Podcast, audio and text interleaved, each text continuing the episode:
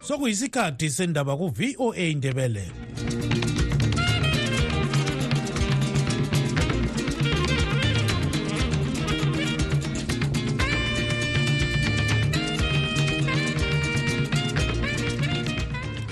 lami ngibonge ujonga kantemiri obesipha indaba ngolimi lwesishona. Lingalivuka njani zulukandaba ulamukela emsakazweni westudio 7 ngolwesihlanu mhla ziku-12 zibandlela 2024 nguchris gande endabeni zethu lamhlanje. Udaba olwethulelwe umthethwandaba womhlaba ngele-south africa elethesa umlando wombhuqazwe ele-israel buthethwe izolo ehek kwele netherlands even kule embargo umvimbela wezikhali owe-un ukuthi uhulumende we-apartheid wase-south africa angathengiseli izikhali. Bukhona ubufakazi bokuthi i-state of israel yayilakho ukunikeza izikhali uhulumende we-apartheid wase-south africa. Inhlanganiso elwela ilungelo loluntu eye-human rights watch ithi elezimbabwe yilo elikhokhela kuluhlu lwamazwe ayephula ilungelo loluntu. Ngibona ngazani uhulumende lo khona lowo eh, to be honest ngibona ngazani yena ngokwakhe ube ngcono kule eh, lokho kwakusenziwa ngesikhathi umgabe eh, sesekhona. Uzulu welokishi lephumula south kobulawayo usele ekhuza umhlola ngemva kokutholakala kwenyawo zomuntu ziphakathi kwephepha leplastic duzane lesikolo segood hope secondary school. Hey uyabona umoya osegoli? Kukhanya vele lelo dimoni selisivakatshele ngapha kobulawayo ukuthi vele abantu abasayesabi ukufa komuntu olukubulala umuntu. Abalimi sebekhuthazwe ukuthi balime kanye lokuhlanyela ngokuphangisa kulandela ukuphuza kwezulu lonyaka. Zonke lezi ndaba lezinye lizozizwa khonapha emsakazweni westudio 7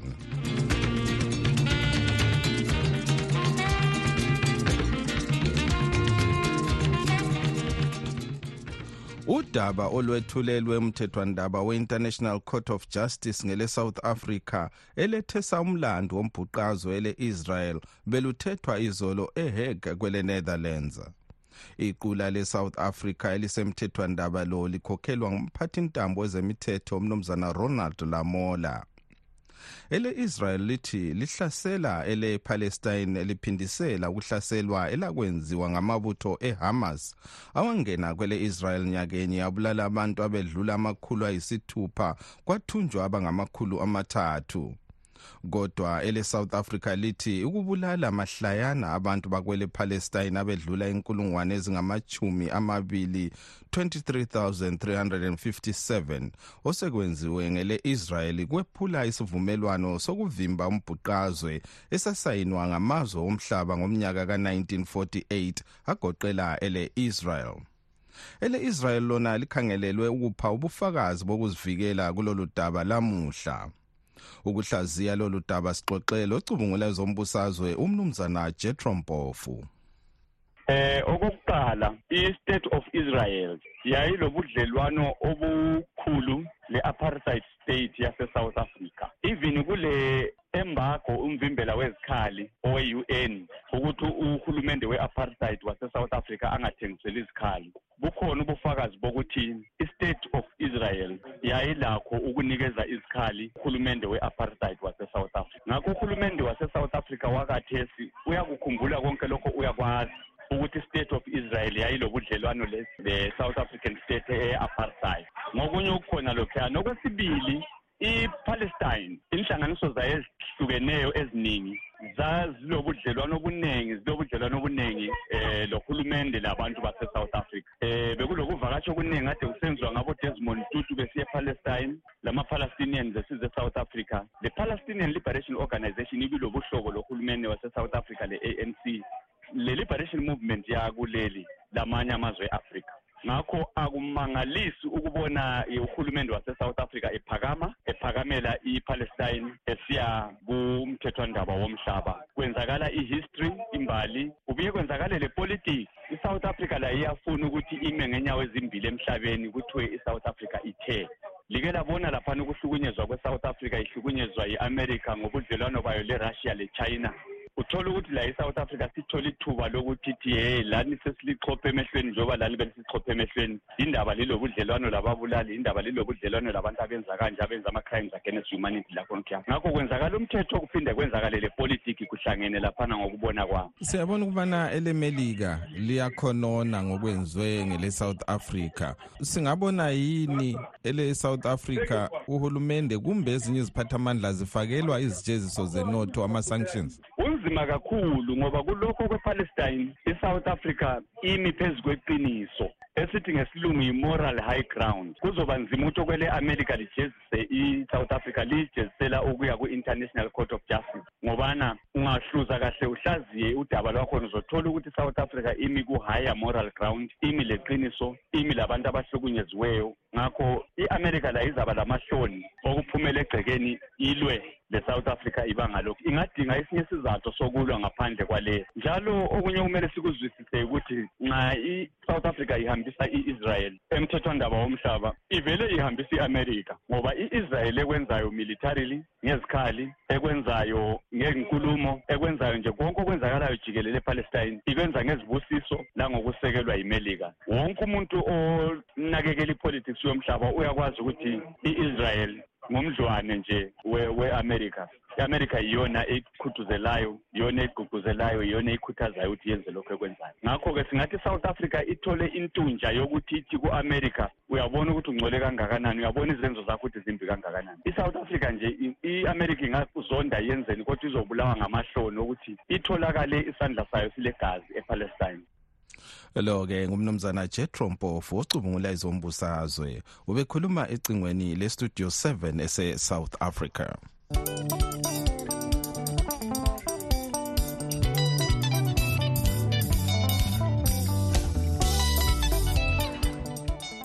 Inhlanganiso elwela ilungelo loluntu e-human rights watch ithi elezimbabwe yilo elikhokhela kuluhlu lwamazwe ayephula ilungelo loluntu kumazwe alikhulu abecutshungulwa. Linhlanganiso yethule umbiko wayo womnyaka ka-2023 lapho eyakhangela khona obekusenzakala izehlakalo ezamazwe eza alikhulu umbiko lo uthi ilungelo lephulwa kwabezindaba labaphikisana lohulumende. Sixoxe lolwela lowalwa impi yenkululeko ekuvuyo lezibra umnumzana max mkandla. Saqala ukumbuza ukuthi uhulumende okhona kwamanje uyephula na ilungelo likazulu okwedlula ukamnumzana robert mugabe na? Ya indaba le bayithi ngesilungu i-human rights kumbe amalungelo abantu kumbe ngesishoneni bathi khodzeredzebani eh ngibona ngazani uhulumende lo khona lowo eh, to be honest speaking right deep from my heart ngibona ngazani yena ngokwakhe ube ngcono kule eh, lokho kwakusenziwa ngesikhathi umgabe eh, sesekhona eh, kumbe singathi i-first republic njengoba le iyi-second republic. Kulobungcono. Ngezizathu ezithi ngikhangela mina eh, ama-properties ezibra kwayenziwa ama-committees ukuthi kabakhangele ngodaba lolu then they report back kuye njalo khona ngale lenhlanganisweni yakhe kumbe kukhabhinethi yakhe. Ngikhangele njalo i-ishu yegugurawundi uyiphakamisa wayibeka laphana wayibeka laphana uhulumende lowu. Khathesi sezinduneni ngenhlelo zangikhona. Lona udaba lokhetho oluhlala luthiwa impumela yakhona iyaphikiswa ayisiyo eyabevumelana labo bonke ababe bengene kukhetho. Kuthiwa ngabe-human rights watch udaba lokhetho yilo olunye oluba imbangela yodlakela locuku lokwephulwa kwelungelo loluntu. Uyavumelana lakho yini lokho?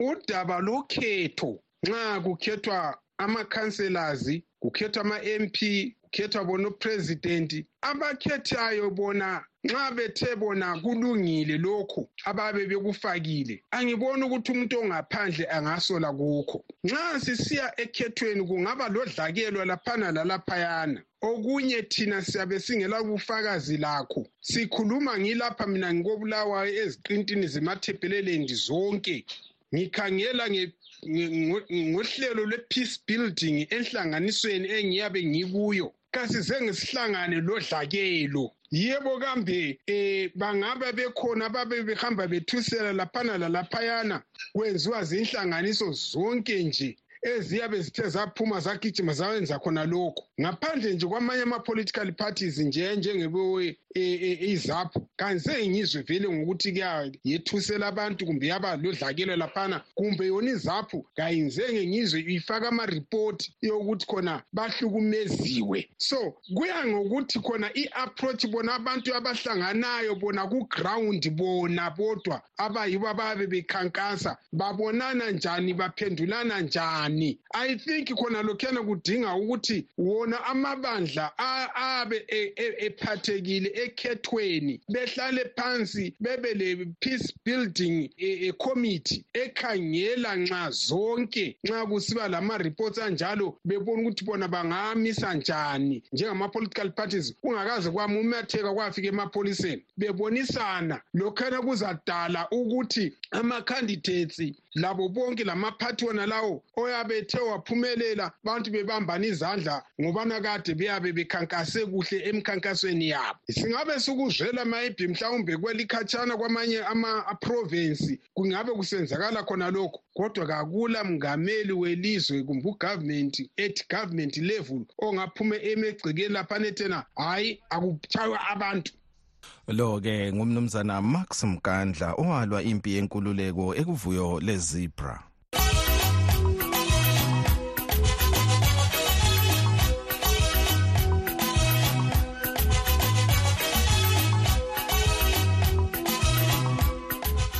Uzulu welokitshi lephumula south kobulawayo usele ekhuza umhlola ngemva kokutholakala kwenyawo zomuntu ziphakathi kwephepha leplastic duzane lesikolo segood hope secondary school. Amapholisa etshele iphephandaba lobulembo elezim live ukuba akwaziwa ukuba inyawo lezi ngezikabani kodwa ngezomuntu ogqoka izicathulo ezingusayizi 6 kumbe 7 ngokunjalo bathi abang, abangaba lolwazi lokuthi lo muntu ngubani lokuthi wabulawa ngubani kumele bawachayele ucingo kunombolo ezithi 0292 603266 kumbe bathinte ipholisa eliphenya lolu daba ku 0775 503 357 izehlakalo zokubulawa kwabantu mahlayana zibikwa zisanda kobulawayo nyakenye kubulewe abantu abalikhulu elilamachumi ayisithupha 160 untungameli nkomo westudio 7 uxoxele ukhansila kaward 9 kobulawayo umnumzana donaldson mabutho. Leyi into iyadadisa mfowethu nkomo. Into sibili ehlukumeza abantu nxa zizibike njalo. Iphuma ikakhulu phakathi kwezigaba zonke zona lezi ezizikhokhelayo kobulawayo. Nje sinje so sicela njalo siyaphila-ke kuzakhamizi ezinhle ezilephumula ukuthi zizame ukuthi zisincedise ngoba abantu kulezi nsuku sebelokuganga kulama-rituals kulento eziningi ezenziwayo um ngamaphathi-ke um abantu. So isicelo-ke singaba sisicela phakathi kwamthwakazi phakathi kwesigodzi esihle nezakhamizi ezinhle zakobulawayo ezephumula ukuthi nxa kungaba lo muntu nje ongasincedisa nje ukuthi echallenge uvuka uphosele duzane legede lamapholisa or kuma-letter box kuma-suggestion box awepolice um kungasincedisa kakhulu ukuthi sikwanise-ke ukuthi sibone ukuthi yikuyini okwenzakala njalo ukuthi abantu abangaba baganga bayenza-ke into ehlukumeza kanjalo-ke. Belethwe phambi komthethwandaba khona sesike sabona ezinye njalo izehlakalo zokubulawa nje kwabantu mahlayana kudotshwe izidumbu lapha lalaphaya kobulawayo khansela. Kungaba kusenzakalani kulezi nsuku kobulawayo? So kungumhlambi kazelusile yini? Uyabona umoya osegoli? Ukhanya vele lelo dimoni selisivakatshele ngapha kobulawayo ukuthi vele abantu abasayesabi ukufa komuntu or ukubulala umuntu. Kuyinto kakhulu edanisayo kuyinto-ke ezilayo phakathi kwesigodi senkosi um sikamthwakazi. Um into-ke engiyibona kakhulu-ke esibangela ama-cases anjalo ukuthi abantu sebedinga-ke ukunotha ngendlela ezingaqondanga abanye-ke izona lezi zigebenga-ke ezitane zidinga-ke imali or impahla eziqakathekileyo njengaboma-cellphone amakhalekhukhwini ukuthi bethathe beyethengisa into leyo ngibona kakhulu-ke ilethwa ludubo kakhulu phakathi kwelizwe lethu lona leli kakhulu phakathi kwesigodlo sethu. Abantu abaningi nje abasela i-source esiyathi i-source of income and abantu abaseyesazi ukuthi bebamba into ezizilayo even ukubulala umuntu ukuthi umuntu enothe or ukuthi ethole lokhu-ke akutholayo ikube libona lezulu lokunakwana alisali ngendlela because labo abaphansi sibili abanikazi besigodlo sona sibili akubajabulisi na umuntu nje impilo yomuntu ngiphonga ukutshabalala kanjalo nje. Kuyini ongakuxwayisa abantu bakobulawayo? Into ke siyabe sizama ukuthi siyiceleke phakathi kwamthokazi omuhle ubulawayo omuhle ukuthi hayi bakithi. Impilo yomuntu izigugu iqakathekile njalo unkulunkulu edala umuntu wakudala ngomfanekiso wakhe. Ukuthi abantu kokuqala kumele sesabe inkosi. Ungazisabi wena sabe inkosi eyiyadala umuntu. Lo ke ngumnumzana Donaldson Mabutho ukhansila kaWard 9 kobulawayo ubexoxa icingweni lontungameli inkomo westudio 7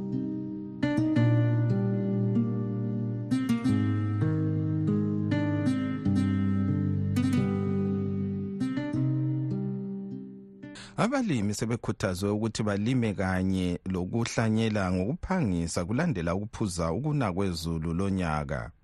Uhlangothi lukahulumende olubona ngomumo omkhathi olwe-meteorological services department lwazise ukuthi izulu elinayo elinayo eh, kulezi nsuku likhangelelwe ukuthi liza kuna liliningi elizweni lonke okweviki yonke ngenxa yokuphuza ukuna kwezulu lokhu abalimi sebekhuthazwe njalo ukuthi bahlanyele izilimo kumbe inhlanyelo ephangisa ukuvuthwa.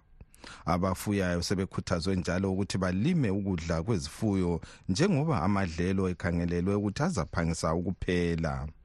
Udabo kancube westudio 7 uxoxe lomqondisi wohlangothi lukahulumende oluphathisa abalimi olwe-agritex emathebhelele north umnumzana dumisani nyoni khathesi sesisalele lithuba elifitshane kakhulu ukuthi silime sivuthise so izulu nxa libuya ekuhlanyeleni siyabe sikhangela izilimo ezinjengendumba zesintu leziyana omaqutha esesikuthi yi-traditional peas okwasasikubeza siyi-cowpeas kudala. Um singahlanyela i-sugar beans um singahlanyela um imbambayila singagcumeka imbambayila singahlanyela le-sunflower yikho engingathi kwesinye isikhathi um kuyavutha ngesikhathi esifitshane nxa liqhubekile lisina izulu. Izulu elinayo leli liqakatheke kanganani kubalimi khathesi? Otherwise izulu khathesi selifunela ukuthi limilise lokukhulisa.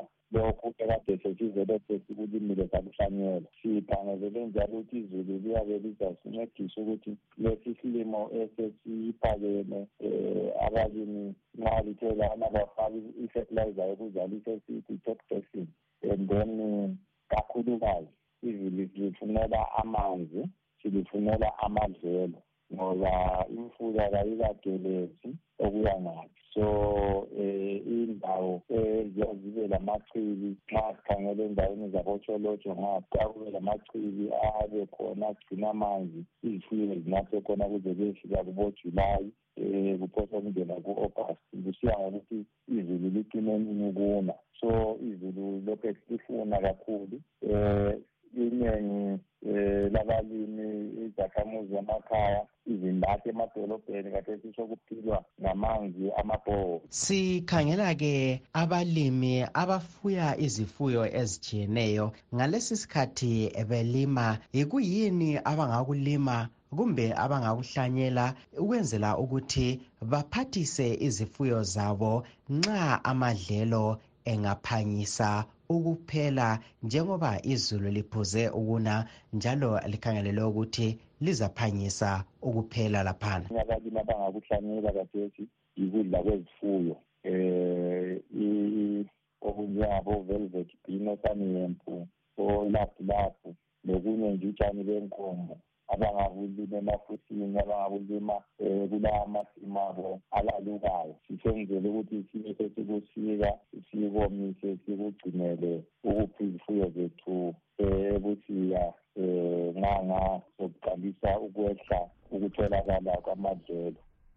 Lo-ke ngumnumzana dumisani nyoni umqondisi wohlangothi lukahulumende oluphathisa abalimi olwe-agritex emathebeleland north. Ubexoxa ecingweni lotabo kancube westudio 7 ekobulawayo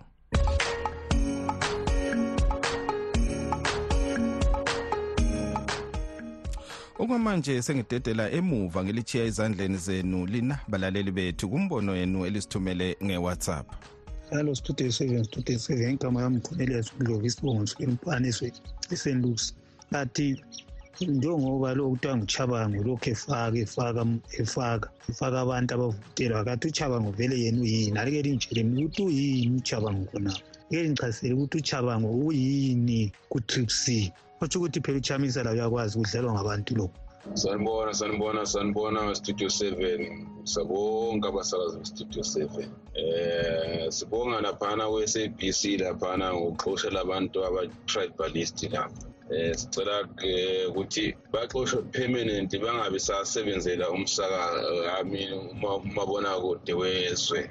Behlambalaza inkosi yethu kabuhlungu kanje. Kwamanye amazwe lokhu ngakwenza uyakufela lo. Ngicwane nengwenya lokhulumayo umntimanto umadonseli kwambolunye mazimbili zifuze khabonina ngibonge basakazi bami lapho estudio seven.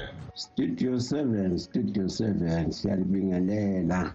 Ngibingelela sicela lathi bakithi sike singene sike sizwe emoyeni imbono yethu.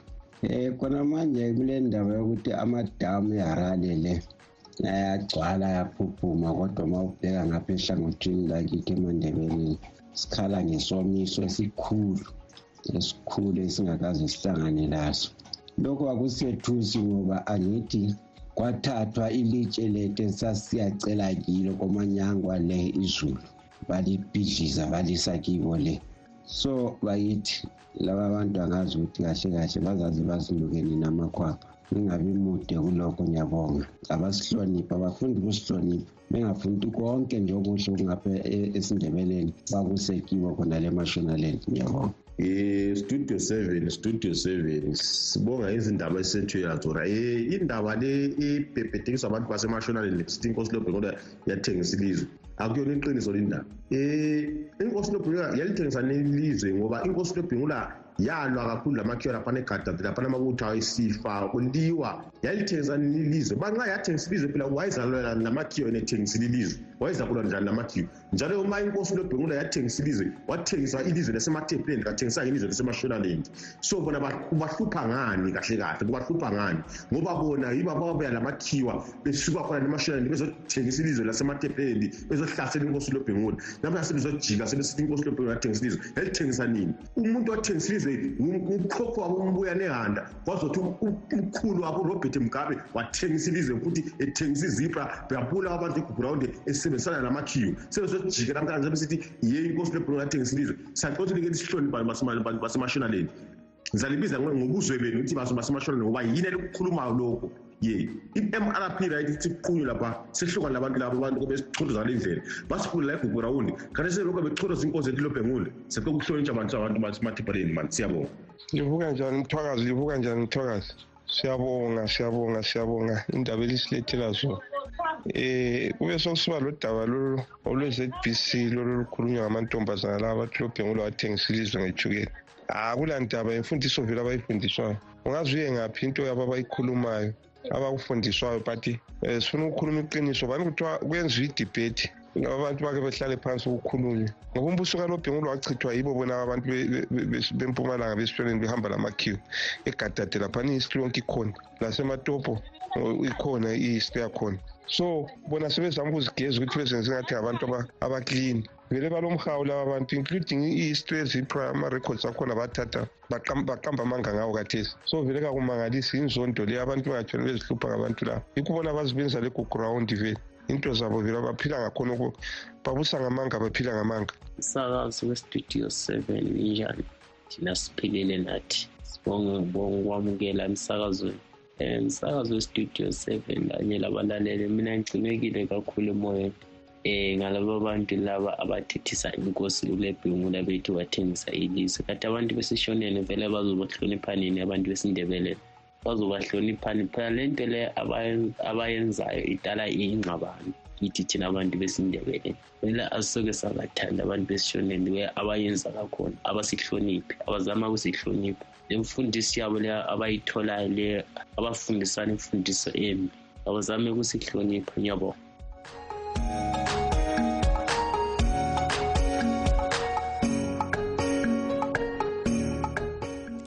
Lawo-ke bekungamazwi enu lina balaleli bethu elisithumele nge-whatsapp kunombolo ezithi plus 1 202 465 0318 ngiyaphinda njalo inombolo zethu plus 1 202 465 0318 siyacela balaleli lisithumezele imlayezo engaphansi kwe-2 minutes. Elemelika lilamabutho angafika amakhulu ayisitshiyagalolunye esyria lazinkulungwane ezimbili lamakhulu amahlanu e-iraq njengabanye abaphakathi kwemizamo yokunqoba iqembu lamalwecatsha ele-isis. Ukunyanga ezedluleyo amabutho emelika ahlaselwe ngabalwayo besekela i-iran besebenzisa izikhali ezigoqela indizamtshina zama-drones lama-rockets okubangele ukuthi kulimale abemelika.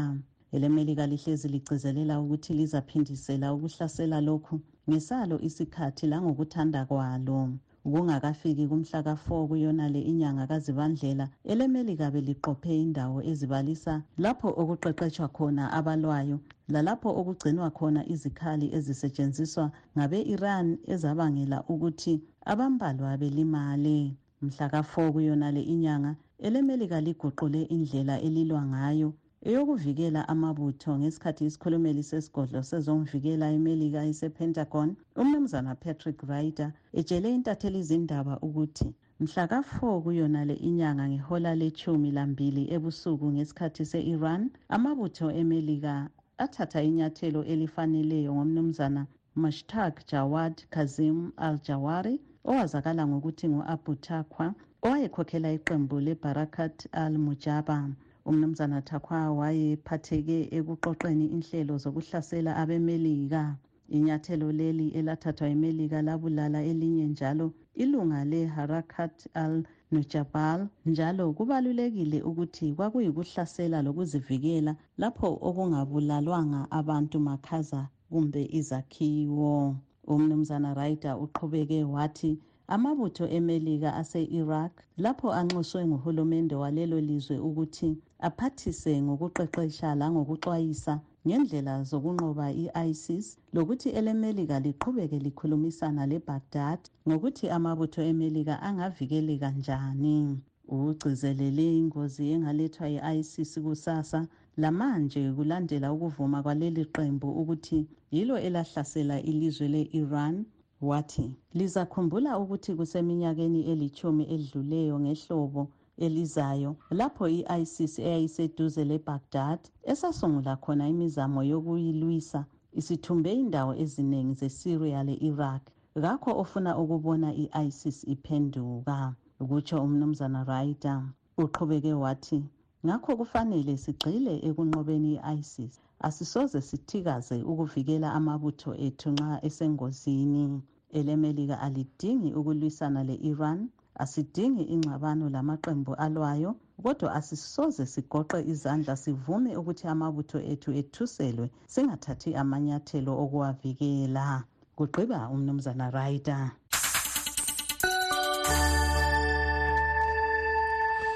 Lolo-ke bekuludaba oluveza imbono kahulumende welemelika. Lusifikisa emaphethelweni ohlelo kodwa singakehlukani ke sikhangele ezinye zenhloko zendaba. Udaba olwethulelwe umthethwandaba womhlaba ngele-south africa elethesa umlando wombhuqazwe ele-israel beluthethwa izolo eheg kwele-netherlands.